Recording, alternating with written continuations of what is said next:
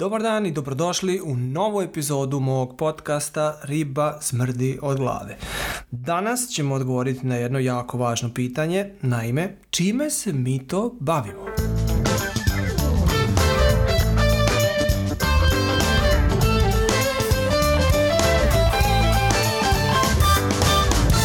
dan i dobrodošli još jednom u novu epizodu mog podcasta Riba smrdi od glave. Danas ćemo pričati o tome čime se mi, znači Fiscal Solutions, u principu bavimo.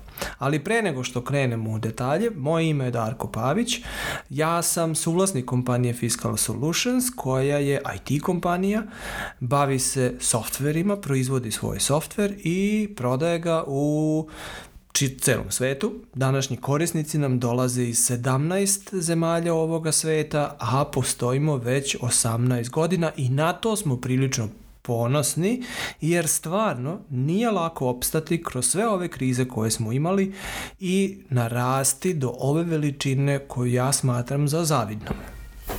Najkraće, najlakše i najbrže rečeno, mi smo kompanija koja se bavi proizvodnjom softvera.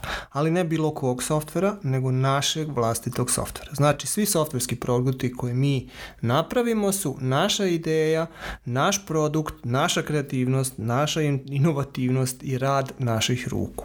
Osim samog produkta, koji onda imamo naravno i prodajemo, bavimo se i savjetodavnim i servisnim uslugama e, oko tog produkta, odnosno oko korištenja korištenja samog produkta. S obzirom da imamo vlastiti produkt, naša ovisnost o tržištu i o događanjima na tržištu je nešto manja u usporedbi sa drugim IT kompanijama koji recimo nemaju svoj produkt i prodaju na primjer eh, ljudske resurse u kontekstu, u kontekstu outsourcinga ili sličnih IT aktivnosti. Pa da malo objasnimo kakav mi to produkt imamo i zašto je on tako dobar.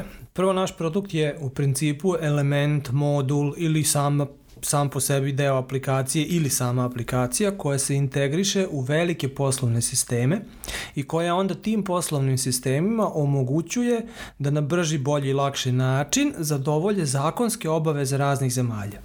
Kad kažem zakonske obaveze, mislim naravno o fiskalnim zakonima e, u prvoj liniji, ali postoje naravno i drugi zakoni koji definišu kako poslovni sistemi treba da funkcionišu i ponekad su i ti zakoni deo našeg, našeg produkta. Ali primarno se radi o fiskalnim zakonima.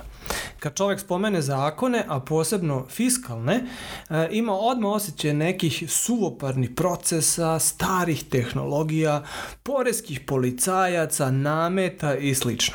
To ni u kom slučaju ne, izvu, ne zvuči naravno interesantno. To baš i nije tako.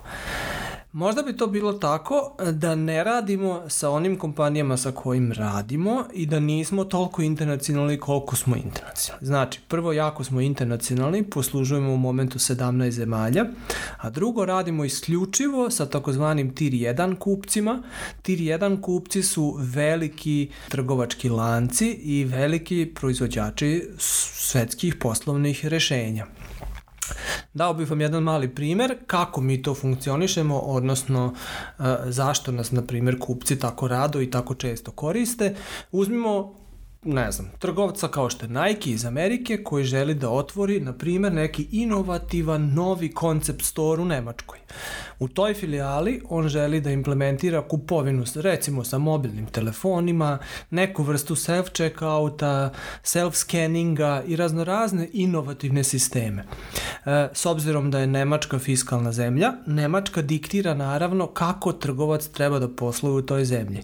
E, ali sada, Nike trgovac želi da otvori ne samo običnu trgovinu, nego koncept trgovinu, kako oni nazivaju, znači trgovinu u kojoj će testirati razno razne inovativne sisteme i ti inovativni sistemi se ne mogu tek tako u Nemačkoj testirati. Znači i oni moraju da zadovolje zakonske odredbe, odnosno da slede fiskalni zakon. E tu nastupa naravno kompleksnost na snagu. Prvo sama fiskalizacija kao takva je kompleksna, a ako je stavimo u kontekst inovativnih, novih poslovnih i trgovačkih rešenja, onda to postane vrlo kompleksno i vrlo izazovno.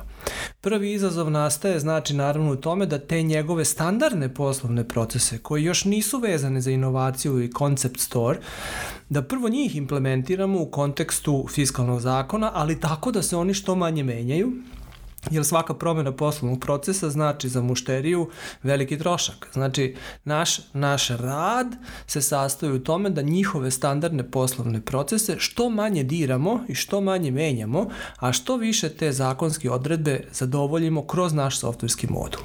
Ali tu nije kraj, to je tek početak, tako reći, sada stupa na snagu tema inovacije i koncept stora, znači pored onih standardnih tema, sad dolaze te nove inovativne teme za koje se onda moraju na, razviti novi poslovni procesi u kontekstu fiskalnog zakona u Nemačkoj. Tu stupamo mi na snagu sa našim savetodavnim uslugama i pomažemo onda nike da dizajnira i koncipira ne samo IT sistem, nego čitav način poslovanja, recimo oko tog novog inovativnog procesa, koncepta i nove inovativne trgovine.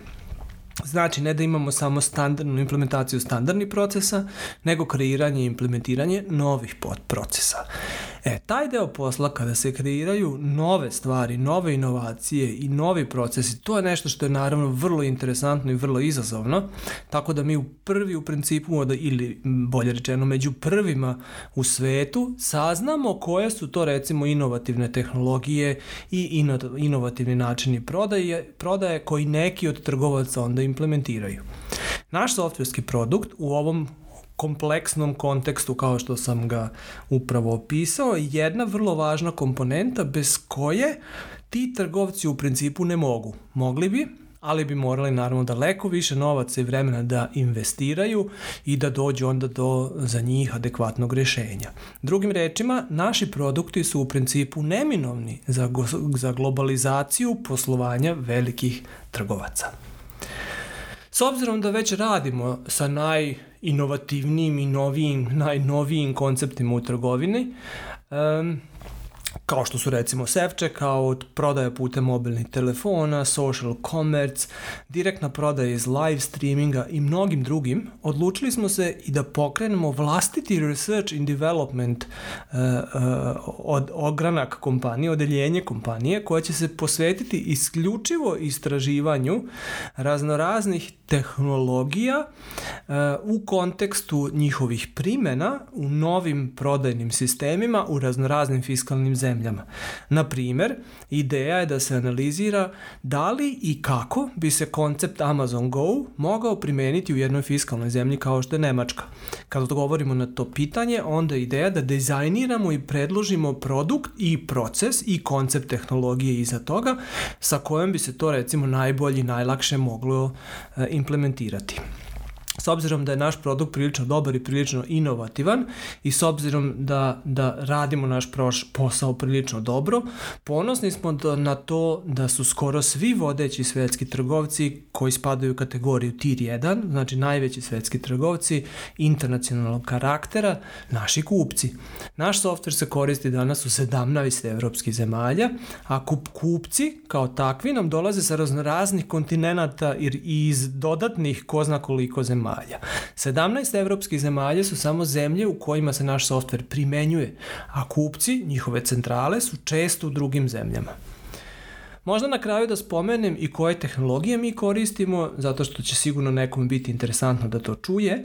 Pored tehnologija koje ciljaju na starije operativne sisteme i okruženja, kao što su Linux, eh, eh, razne, razne distribucije Linuxa, čak starije verzije Windowsa i tako dalje, radimo naravno eh, u novim verzijama produkta i, i na okruženjima koja su vrlo moderna.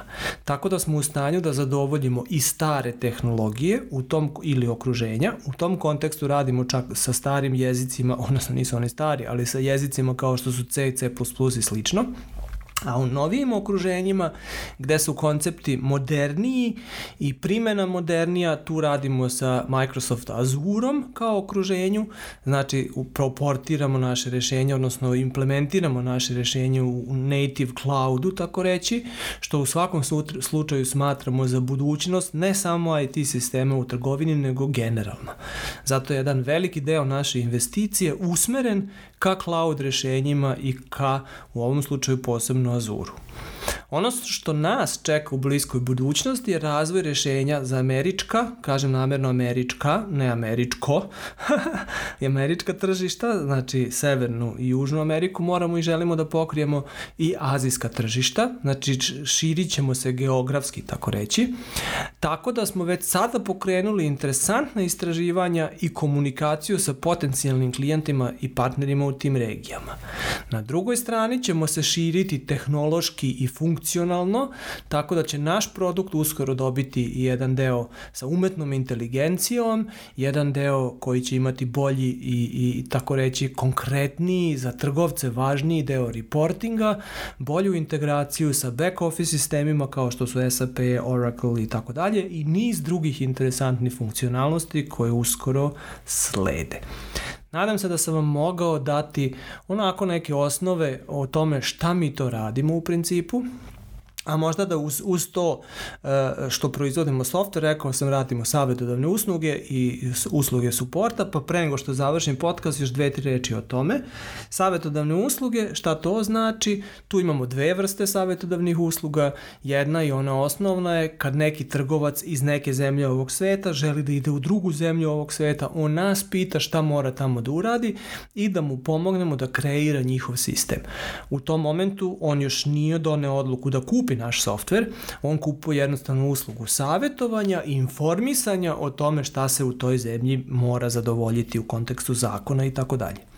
Druga vrsta savjetodavnih usluga je jedna vrsta recimo to automatiziranog načina komuniciranja sa našim korisnicima. Razvili smo svoj portal, internet portal, koji služi tome da naši potencijalni ili sadašnji korisnici se informišu o svemu tome što se događa u tim zemljama koje mi u momentu pokrivamo, da mogu da skinu dokumentaciju koja je za njih neophodna, da mogu da razmene iskustvo i tako dalje što se tiče samog suporta i to nam je jedna od jako velikih i važnih komponenti našeg, našeg produktnog e, kataloga. Tu se radi naime o tome da sve instalacije koje imamo u svim zemljama koje imamo i podržavamo. Podržavanje znači ako neki korisnik u nekoj, problem, u nekoj zemlji, recimo u Francuskoj ili Nemačkoj ili Italiji ima problem, on može da nas nazove i mi mu pomognemo naravno taj problem da rešimo. Ta usluga nije samo reaktivna u kontekstu reakcije kad nas neko nazove, nego i proaktivna, znači u kontekstu da sprečimo uopšte pojavljivanje rešavanje problema da proverimo pre nego što se nešto dogodi da je sve ok i tako dalje. Eto, nadam se da sam uspeo da vam prenesem ukratko čime se mi to bavimo, uspešno, već 18 godina. Ako imate pitanja, rado sam tu i stojim na raspolaganju, a naravno radovao bi me i svaki komentar na ovaj podcast. Bilo mi je drago da ste bili sa mnom i u ovoj epizodi, nadam se da ćemo se slušati i u sledećoj, želim vam sve najbolje i do slušanja.